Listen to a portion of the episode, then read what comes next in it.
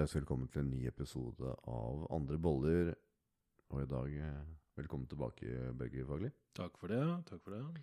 Og for eh, lytteren så må vi bare meddele at i dag har vi litt fin bakgrunnsmusikk. Mm. Lokasjonen tilsier at vi har det fin bakgrunnsmusikk i dag. Og jeg tenkte vi kunne snakke om det med å komme tilbake eh, til trening etter ferien. Mm. Det er veldig mange som tar seg ferie, og så tar man det helt ut. Ja. Og så ender det med at Åh, jeg tok det om gangen. Og den første treningsøkta, den er i alle fall tom. ja, ja, ja. Noen tanker der, Børge? Ja, du vet øh, Jeg har jo kanskje for første gang på mange år øh, klart å ta med en skikkelig ferie. Der jeg hadde både litt treningsfri og Uh, ikke tok liksom det med kosthold og sånn så veldig seriøst, for å si det på den måten. Uh, det vil si det ble spising av litt mer mat som jeg vet at jeg ikke tåler så veldig godt. Eh, Jeg koser deg, altså. Ja, ja, kos, ja, absolutt.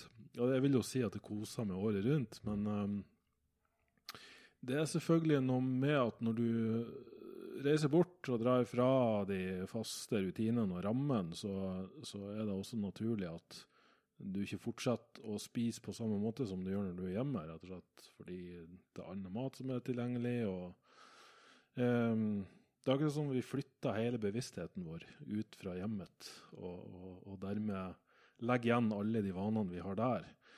Eh, så for meg var det faktisk på mange måter godt å bare komme hjem og komme i gang med de samme rutinene. Nå er vi tilbake på gymmet og eh, spiser litt den maten vi er vant til å spise. Så jeg gikk jo ned en par kilo bare første uka, liksom. Fordi man blir jo full av vann og, og alt mulig fordi man spiser mye uvant mat. Ja. Så for meg er det ikke noe stort problem å komme i, i gang igjen. Men når det gjelder trening, så er det selvfølgelig en utfordring, fordi da man kanskje føler seg litt utrent, og har man noen ekstra kilo, så kjennes det ekstra Og tungt. tungt òg, minst. Ja, ja, ja. Og kondisjon og um, styrke og alt det der, det er sånn å herregud, jeg har trent i mange år, og så tar det liksom tre uker, fire uker med ferie, og så er alt borte, føles det som. sant? Ja. Um, men en, en stor trøst er jo at det går veldig fort å komme tilbake til der man var. ja, for jeg har muskelminne, som jeg vet. Ja. ikke ja. vekttrening, da. Hvor lang tid tar det egentlig fra hva skal man si, til muskelen ikke har vært i aktivitet på samme type måte, til man begynner å trene igjen til man er tilbake der man var før man stoppa opp? Er det noe Ja, vi har, svar på det? eller? vi har noen veldig fine studier på det der, eh, kombinert med erfaringsbasert eh, grunnlag. da. Det kommer selvfølgelig an på hvor godt trent man er. For hvis du er veldig veldig godt trent, eliteutøver, så eh, mister man mye raskere den formen man hadde. Men det går desto raskere også å få den tilbake. Så vi pleier å si at det er sånn ca. 1-til-1-forhold til to-til-én-forhold. Det vil si at hvis du har vært borte fra trening i tre uker, så kan det ta opptil seks uker å komme tilbake dit du var. Men i mange tilfeller så tar det bare tre uker. Eh, og det er jo f.eks. òg gjort eh, studier der de ene gruppa trente seks uker, så tok tre uker fri. Trente seks uker, tok tre uker fri. Og etter seks måneder så hadde jeg akkurat like god framgang som de som hadde trent uavbrutt. Hadde dere det? Ja. Så, Kan, kan det tilsi at uh, de som da trente uavbrutt, faktisk hadde trengt å ha seg en pause som gjorde at de ikke restituerte kanskje godt nok? Derfor hadde egentlig ikke noe å si om du hadde pause og ikke hadde pause? Det virker som vi har en, en uh, kropp som er veldig innstilt på å komme tilbake dit den slapp. Uh, det her er å koble opp mot muskelminnet.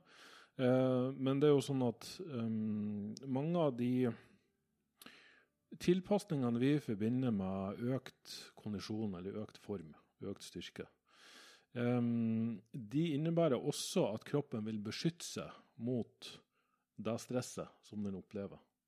Så Det ligger jo litt i det, den aversjonen, den tilpasninga. Eh, fordi det å løpe langt, løpe fort, løfte tungt, løpe lang, eh, løfte lenge eventuelt, det krever jo noe fra kroppen som den ikke er vant til. Sånn at den vil både øke kroppens evne til å håndtere det her, men også kroppens evne til å beskytte seg mot tilsvarende stress. Det er derfor vi må ha progressiv overbelastning for at det hele tatt skal skje noe. Hvis du bare fortsetter å trene på samme nivå, så skjer det lite. Ja, som mange gjør.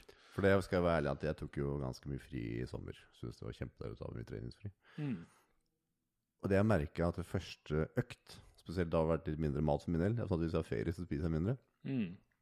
Og da merker jeg at det, det er jo så sinnssykt tungt. Ja, ja, ja, og jeg tror det er mange som kan føle på det at det er veldig tungt, og som man egentlig ikke lyst til å ta en økt til, for at det føles jo så tungt. Mm. Noen refleksjoner om det, eller? For jeg tror det er veldig mange som kan føle på den der. Ja, og, og da eh, Som er litt av konklusjonen da vi vet om, om den og kroppen tilpasser seg alt det her, så er det at den beskyttelsesmekanismen som eh, følger med tilpasninga til å bli eh, sterkere og mer utholdende, den er også reversibel. Det vil si at du kan nesten tenke på muskelen som en utrent muskel den første uka. For mange tenker jo at ja, her er der jeg var. Jeg trente så lenge på gymmet. eh, Jeg løfta så tungt, så mange serier, så mange repetisjoner.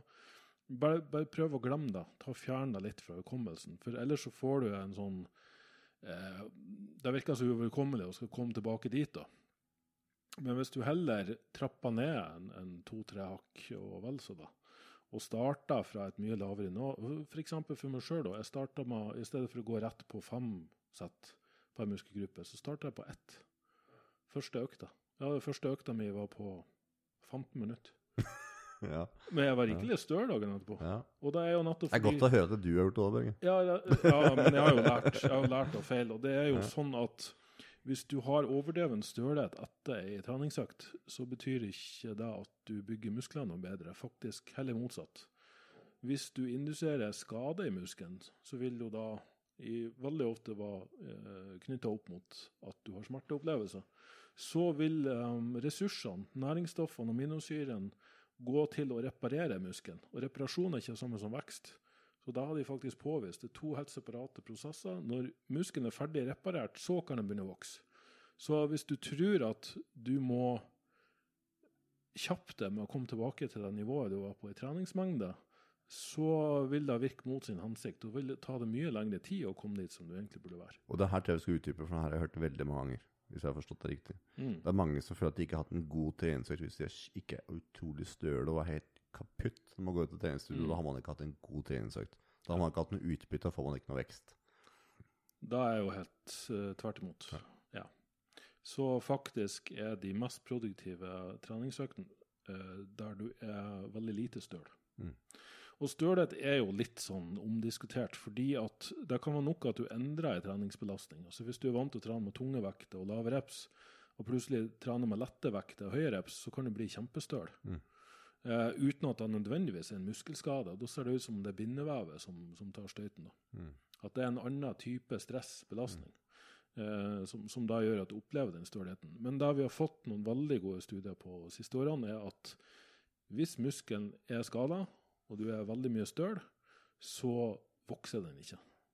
Så da er det ikke en produktiv treningsøkt i det hele tatt. Mm. Sånn at um, de har gjort protokoller der du går rett på en viss, et visst treningsprogram, og så har de ei anna gruppe fått lov til å trene seg opp til det programmet de skulle starte på. Så de fikk tre uker med gradvis opptrapping av trening. Mm. Og da var det den gruppe som fikk trappe opp, som hadde aller best resultat. Men det var det, ja. Så da er litt av, av min anbefaling når du skal komme i gang igjen. Ikke jag etter å komme tilbake dit du var. Nyt det at nå har du en muskel som Altså Alle vet jo hvor, hvor raskt du økte når du var nybegynner. ja. Så prøv å forestille deg at du er nybegynner og Mm. trapp veldig gradvis og sakte opp. Kanskje ett eller to sett første uka, to eller tre sett uke to. Og si etter tre til fire uker så begynner du å nærme deg det nivået du var på før. Men uh, da, da, skal som regel veldig lite til for å komme tilbake dit du var. I stedet for å starte for høyt, var grisestøl, liksom. Og så miste helt motivasjonen eh, fordi Oi, så vondt og herve, og så tungt det var. Så, så innstill deg litt på å starte på et lavere nivå. For da er det så mye enklere å gå fortsette å komme i gang. Da, da kjenner du at det er godt å trene. liksom. Hvis du kjører hele kroppen, eh, da, hvis, du hvis du trener det, Børge, du kjører ikke fem sett per, eh, hver per øvelse da, eller? Nei, jeg sjøl uh, trener en såkalt tosplitt nå, så overkropp er én splitt. Mm. Så Det er også en veldig fin splitt, egentlig. Hva er grunnen til at du har valgt den? Eh, Det har litt med min restitusjonshastighet å gjøre, og hvor mange dager jeg har mulighet til å dra på gymmet nå. Og da, Hvis det blir mellom tre og fire, så er jeg happy, liksom. Helkroppsprogram er uh, de er mest hensiktsmessig for en på mitt nivå, hvis jeg kan trene mye oftere, så hadde jeg kunnet trent fire til seks dager i uka. Så hadde jeg valgt helkroppsprogram og kjørt kanskje ett eller to sett.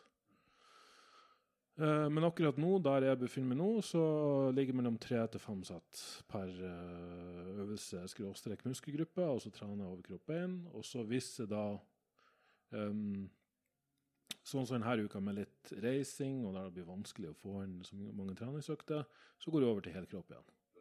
Ja, Så blir det kanskje litt overkropp én, og så ei helkroppsøkt, og så blir det overkropp én. Så det er veldig fleksibelt. Jeg, jeg prøver så langt som mulig å ikke låse meg fast i et sånt eh, paradigme liksom, på at sånn og sånn må det være, og det og det programmet må jeg følge. liksom. Jeg vet hva jeg må gjøre når jeg kommer på gymmet. Jeg har en eh, oppfatning av hva jeg har gjort eh, tidligere, og hvor jeg befinner meg på den såkalte adopsjonskurven og tilpasningskurven. Og nå når jeg har starta fra relativt utrent tilstand, for meg var det nesten to uker helt fri, eh, så starta jeg veldig rolig og trappa opp i det tempoet som jeg ser at kroppen min tåler. Hvordan vet du at du trenger fem til åtte sett for å få en uh, progresjon? da?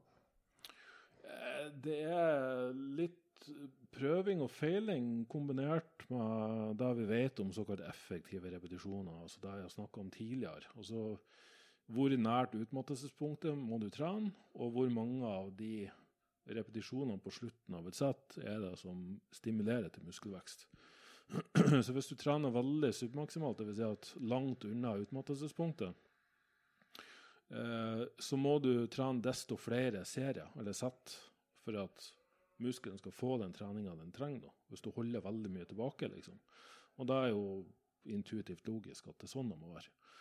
Um, så, så da vi ser at i ei enkel treningsøkt så ligger det punktet der du makser ut stimulansen mellom tre til fem sett, gitt at du trener veldig nært utmattelsespunktet. Hvor mange øvelser har du per muskelgruppe da? Én til to, Ja. alt ettersom. Um, jeg foretrekker Jeg har også trent bare ett sett eh, failure, sånn total failure, liksom, for å se hvor det punktet ligger an for meg. Og jeg merker for min del at det tar litt lengre tid å restituere seg. Ja. Hvordan merker du det? Når du støl, eh, sliten? Ikke... Er sliten, rett og slett. Mangler motivasjon. Og Det tyder jo på at man har tømt noen av de dopaminreservene sine. Og da, Dopamin er jo sterkt kobla opp mot motivasjon. Men Henger det sammen med om man har kjørt seg tom på en treningsøkt?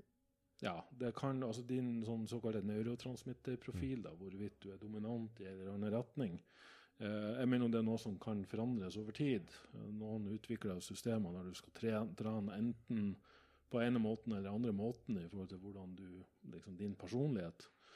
Ja, Fins det? Dette har jeg ikke hørt så- om. Såkalt, det? såkalt neurotyping heter det. Oh, ja. Jeg, jeg har faktisk vært med å utvikle det med en sånn kanadisk coach som Mm. heter Christian Thibodeau. Ehm, og den opphavsmannen til det her som først begynte å snakke om det, var en som heter Lyle McDonald. Um, så vi snakka litt fram og tilbake fordi vi begge hadde observert at noen kan være veldig utholdende. Mm. uh, mens noen, hvis de trener ett sett i failure, så er det helt tømt. Det er så vidt at de klarer å bevege seg omtrent. Um, Og er det personlighetsavhengig?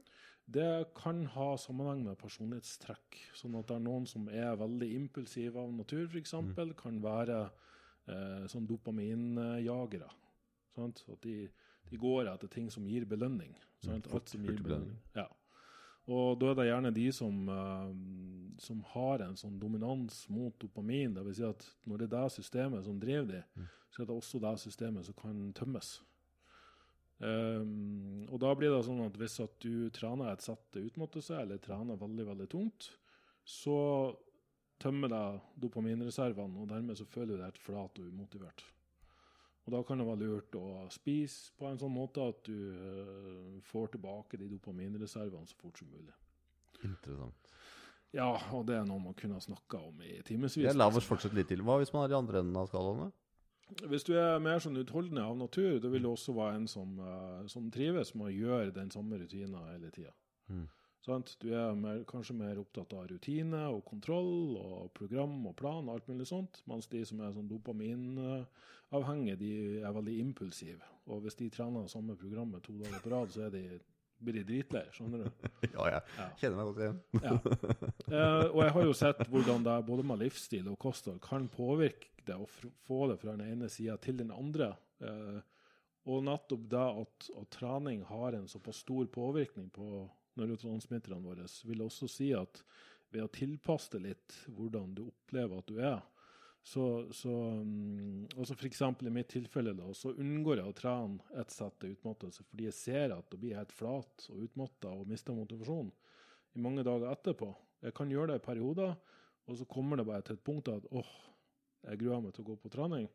Og da er det bedre å holde litt tilbake. Så da trener jeg submaksimalt. Derfor trener jeg opp til fire-fem sett. Men de som er veldig glad i struktur, rutiner og program og planlegger og holder på med dette kontinuerlig i sitt eget hode, er de litt mer serotonin eh, Ja, det ser, ut, det ser ut som både serotonin og acetylkolin og, og Mm. eh, litt, litt andre systemer, GABA, kan Mm. spille inn og sånne ting. Det, det blir fort veldig komplisert, det her. Mm. Eh, og jeg mener at um, man trenger er faktisk ikke. Ja. ja, man, man trenger ikke å, å gå sånn i dybden på forståelsen av de neurotransmitterne bare for å vite at hvis du trener på en bestemt må måte, og så blir du veldig umotivert og sliten av det, så forandrer du på det. Sånn det, kan, det kan kokes ned til en såpass enkel eh, retningslinje. Så, så ikke vær redd for å eksperimentere litt på det sjøl og kjenne hva, hva du responderer på. Det kan òg endres over tid. Det var en periode der jeg hadde fantastisk framgang av et sett til failure. Eh, men akkurat nå om dagen, sånn situasjonen er nå, sånn kostholdet mitt er nå, osv., og, så videre, og, så videre, og livsstilen min, Søvn. søvn ikke minst, sant? Så, um, så trives jeg bedre på å kunne holde litt tilbake på hvert sett. Ha greit med pauser mellom, og sitte ned og slappe av. Ta et sett til, og så liksom ha litt bedre tid på trening, da. Ikke noe sånn rush gjennom. Så uansett hvilken type det er, så er det egentlig å kjenne etter hvilken form det egentlig er, og hvordan tidssituasjonen. Ja, jeg vil jo i mye større grad oppfordre til at folk er intuitive og mer sånn påkobla sin egen kropp, da, i stedet for å tenke at her er en sånn overordna retningslinje vi må følge, her er et program du må følge.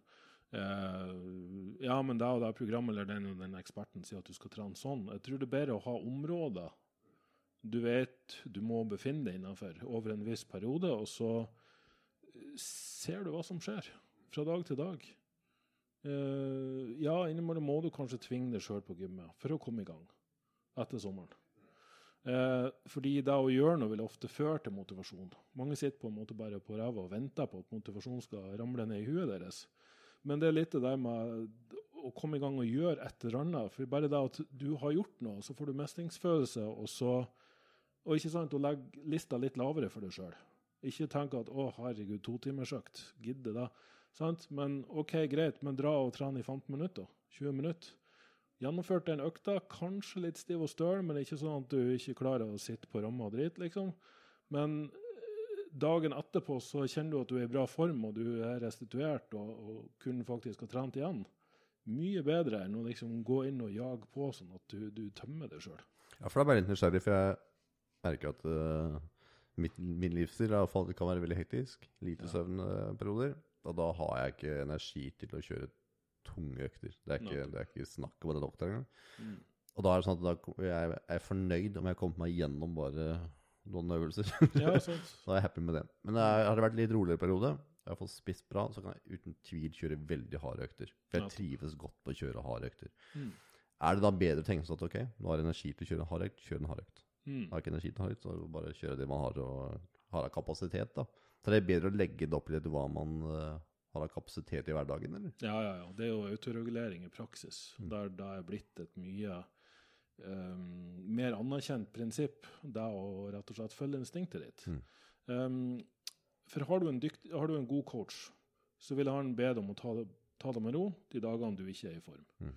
Mens de dagene han ser at her er formen på plass, så pusher han det litt ekstra. Så for å være din egen coach, så er du nødt til å tenke mye mer objektivt på det. Ja.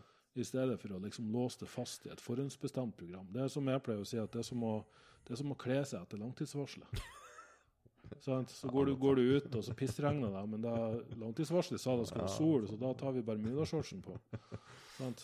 Men jeg tror det gjør noe med psyken til veldig mange, da. For hvis de har innstilt seg på at nå skal de kjøre tre uker med et HST-program, for å ta et Mm. eksempel, og så har man ikke energi til det, man skal kjøre det for man har bestemt seg for at det skal man kjøre. Mm. Og så er det at nei, jeg gidder ikke. Og så gidder man ikke trene i det hele tatt. For man Mm. klarte ikke å kjøre det for man hadde tenkt man skulle gjøre. Mm. Jeg tror det er der den største utfordringa sitter. Når Ja. vi ikke klarer det vi hadde tenkt.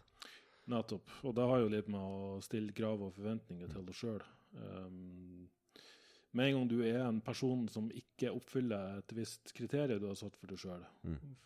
for å være en bra person, så blir vi utrolig skuffa over oss Ja. Da, begynner, da blir det banking. Ja. ja, men det er er den typen, da. Og jeg, jeg tror um,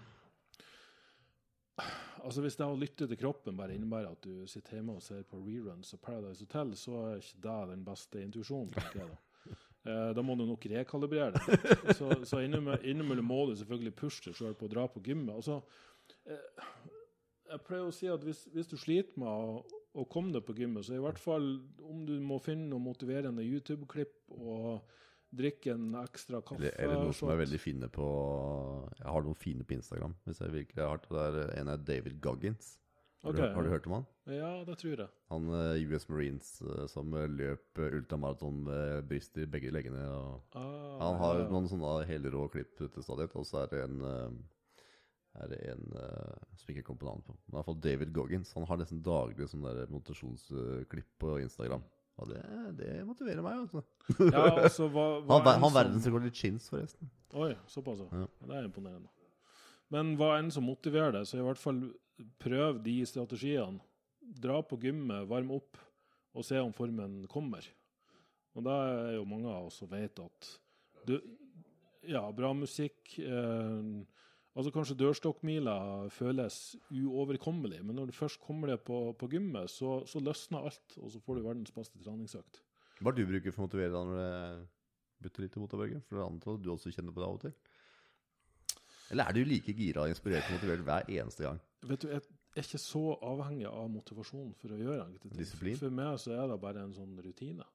Jeg drar på gymmet, liksom. Men ja, det er dager der jeg kjenner at i dag er det skikkelig tungt. Men da tar jeg høyde for det når jeg, når jeg kommer på gymmet. Ikke før jeg drar på gymmet. Fordi vi, vi lider jo av noe som innen psykologien heter affektiv framsynthet. Vi styres veldig av hvordan vi føler oss akkurat nå, og tror at da vil vi føle oss sånn i framtida. ja. Og så tar vi relativt dårlige valg ut fra det. Så i mange tilfeller må du bare planlegge i kalenderen din at du skal komme deg på gymmet. Dra på gymmet og i hvert fall komme deg gjennom oppvarminga, og så ser du an da OK, vet du, er er mulig jeg brygger på noe, eller er jeg bare skikkelig dårlig form? Det hjelper ikke hva jeg gjør, jeg, jeg, jeg bare har lyst til å dra hjem. Da drar du hjem, tenker jeg da. Det virker som du er en sånn logisk styrt type framfor å være veldig emosjonelt styrt. da. For de som er emosjonelt styrt, de er jo, hjelper ikke hva de gjør i kalenderen. Nei, det er jo ikke. akkurat det. Det er fort gjort å Jeg møter jo på de menneskene eh, i, i alle mulige sammenhenger der noen er ekstremt eh, emosjonell, spirituell, hva enn, og da totalt mista bakkekontakten. og så har du jo de som er så logisk styrt og, og liksom OCD på ting at de totalt mister perspektiv på hva som er bra for dem. Ja. Så, så da å ha den der uh, evinnelige balansen i livet, den, den så eh, Jeg sliter med den sjøl. Men jeg har i hvert fall lært meg over tid å kjenne igjen når jeg OK, nå er for mye i hodet mitt. Mm. Og OK, nå er jeg kanskje litt for svevende og, og spirituell, liksom. Så nå er det greit å jorde seg litt. Og vi kan avslutte med det der, eh, på den tråden, for jeg er litt nysgjerrig. Ja. For jeg merker at når jeg er eh, ekstremt fokusert på noe Nå er jeg veldig på YouTube om dagen. Nå er det det og video og alt eh, mulig som innebærer det. Da er laserfokus Ja. og gassen i bånn. Jeg fins ikke Jeg er ikke noen mellomtingperson. Det er alt eller ingenting. Og jeg merker at når jeg på en måte er all in, da er det ikke så veldig mye som kommer innenfor den ramma. Og spesielt ikke til kanskje litt alternativ vi har snakka om før. Da går jeg fra å kunne være kanskje litt sånn passe alternativ ikke i det hele tatt. Da er jeg bare overfokusert på én ting. Ja. Eh, har du opplevd det sånn, eller? Å ja. Det, det kan jeg Da med en gang du, du sa det her, så tenkte jeg ja, den been there, done that. Jeg hadde faktisk på en av de siste kursukene mine på Soulspring, så hadde jeg et foredrag om akkurat det her. Eh, å finne den kombinasjonen mellom det spirituelle og hverdagens kjas og mas. Der du skal prestere, du skal gjennomføre et visst sett med oppgaver, du har prosjektmål, du har eh, alle de kognitivt betinga tingene. Og så skal du inn i mellom alt det her klare å meditere, ha litt space, puste i takt med naturen og, og engler og guder. Og alt sånt. så, så blir det veldig tøft, liksom. Ja, det gjør det. Ja. Og det, det, og det er englene som må vike, dessverre. Akkurat, eh, ja. akkurat da. Eh, Så, så for mitt vedkommende så har jeg For jeg tror det, det begynner å bli en verden der alt handler om at vi skal være så jævlig gode på alt. Mm. Vi, vi skal være så flinke. Mm. Det er flink gutt og flink pike-syndrom over hele brettet, liksom. Så hvorfor ikke være litt OK med å være middelmådig? Absolutt. Det er litt sånn Hvis du skal være så jævlig god på meditasjon, hvor meditativt er det? Nei, nei. Det blir jo en sånn prestasjonsgreie der Mm. også. Eh, så for mitt vedkommende så var det bare Vet du hva, nå er det en hektisk hverdag, men nå skal jeg sette meg med kaffekoppen ute på balkongen, og så skal jeg puste i to minutter. Og da blir det to minuttene til fem minutter, og så føler jeg meg mye bedre. Og så kan jeg gå inn og, og fokusere. Og, og på den andre sida eh, har vært i gode perioder der eh, det blir mye spiritualitet og meditasjon og reading og hele den greia der.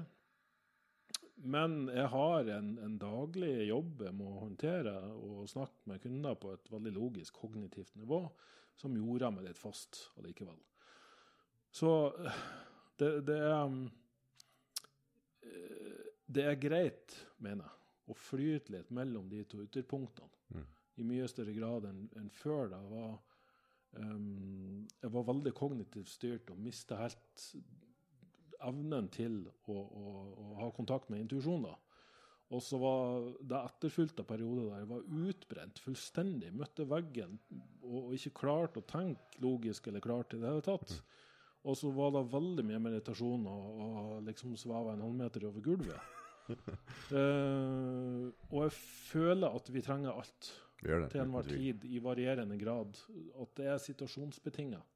Og fra dag til dag i mye større grad. Også da at vi tillater det og syns at det er greit. Og det er det her som er så spennende med det med lidenskap. Jeg kan snakke med lidenskap på en senere episode, men når lidenskapen for noe slår inn Ja. For det som eh, har dukka opp for min del, er at jeg har begynt med foto- og videoredigering. Noe som egentlig aldri har interessert meg så veldig mye. Mm. Før at jeg, jeg måtte gjøre det, Mm. og før at jeg fant at jeg fikk det til. Ja. For da har lidenskapen bare gått all in. Ja, ja, ja. Og når det går all in, så er det Da i hvert fall jeg. Jeg har utfordringer med å balansere det ut med andre ting, for lidenskapen da på en måte er veldig altfokuserende. ja. Men det er ikke noe tvil om at jeg merker jo at man blir mer eh, Hva skal jeg si motivert for det man syns er gøy. Ja. Og da glemmer man litt den andre, som er balansedelen. da. Jeg Ja. tenker at meditasjon er en balansedel, Mm. som er utrolig viktig. ja den Men, er at, vi- men vi er motivert for noe, så er balansen som forsvinner bort på høyre side her. Ja, og der tenker jeg det er bare å ha litt rutiner på enkelte ting i hverdagen. For um, det, er, det er sånn som jeg snakka med Anne her i stad. Eh, hun som er daglig leder i Modern Revolution, at hun har jo to sønner. Han ene er veldig sånn fotball, håndball, idrett. Veldig sportslig altså, har talent for det. Og de har vært nå i sommer med på ulike kamper og alt mulig sånt. Og så er den andre sønnen en gamer.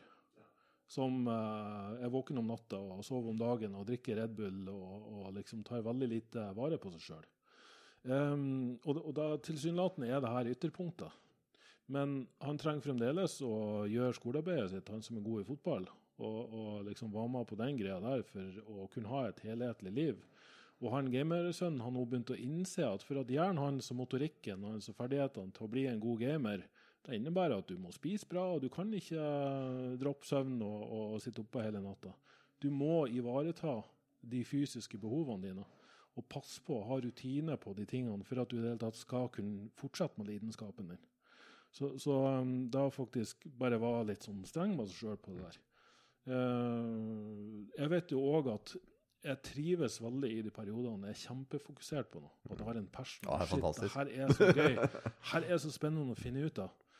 Men hvis at det blir altoppslukende og glemmer å ta vare på de andre behovene mine, Mm. så brenner jeg ut. Ja, absolutt. Så, så mister jeg gløden, og så gidder jeg ikke noe mer. Da, er sånn, da, da, da kaster jeg alt uh, ut av vinduet, liksom. Mm. Da vil jeg ikke holde på med det i det hele tatt lenger. Så, Det er viktig å huske. det- Hva? Det er det viktig å huske. Ja. Så hvis du ønsker, hvis du har funnet noe som, som interesserer deg, og som du er nysgjerrig på, så, så la det gå sin gang litt sånn Mm. i mer naturlige sykluser. I stedet for at det også blir en greie man skal liksom eh, droppe alt annet du har i hendene, liksom, for å, for å fokusere på. Ja, det er det som er så fantastisk å prate med deg, da, Børge. At nå får jeg liksom landa meg litt ned fra den ene delen og prate med deg. Ja, og det er faktisk en av de viktigste punktene. Ha folk rundt deg som har evnen til å gjøre det. Mm. Jeg har eh, folk jeg kan ha veldig intellektuelle samtaler med, og så er det folk som er veldig spirituelle. Så jeg kan på en måte påvirkes og dras i ulike retninger avhengig av mine behov. Ja, vet du det syns jeg er utrolig viktig. å ha med forskjellige typer mennesker rundt seg. Jeg hadde en liten samtale med en eh, kollega her om dagen på Mentaltrenerpodkasten om akkurat det. Mm. Og det Jeg tenker ikke at du har én coach til noe. For det er noen mennesker som er flinke Altså det er veldig mange som har forskjellige typer egenskaper. Ja. Og hvis du klarer å ha mange typer mennesker rundt deg med forskjellige typer egenskaper, Mm. så er det egentlig det du har behov for. Ja, Det er aldri én person som får svar på alt, som regel. Nei, det er jo det berømte ja, Du er gjennomsnittet Ja. i fem eller sju personene i livet ditt. Så sørg for å ha litt variasjon der. Så det var et altomspennende tema i dag, men det vi ville få fram, var at du skulle starte å trene igjen, så Start litt roligere og trapp opp gradvis. Formen kommer uh, før du Og har du funnet lidenskapen og er all in, så prøv å balansere ut det òg. Ja, ikke sant. Det er litt det der. Så til neste gang, så send gjerne inn forslag til tema og gjester til podcast at myrevolution.no. Tusen takk for i dag, Børge. Ja, tusen takk sjøl. Det var hyggelig. Takk for deg som også hørte på, og ha det bra. Ha det.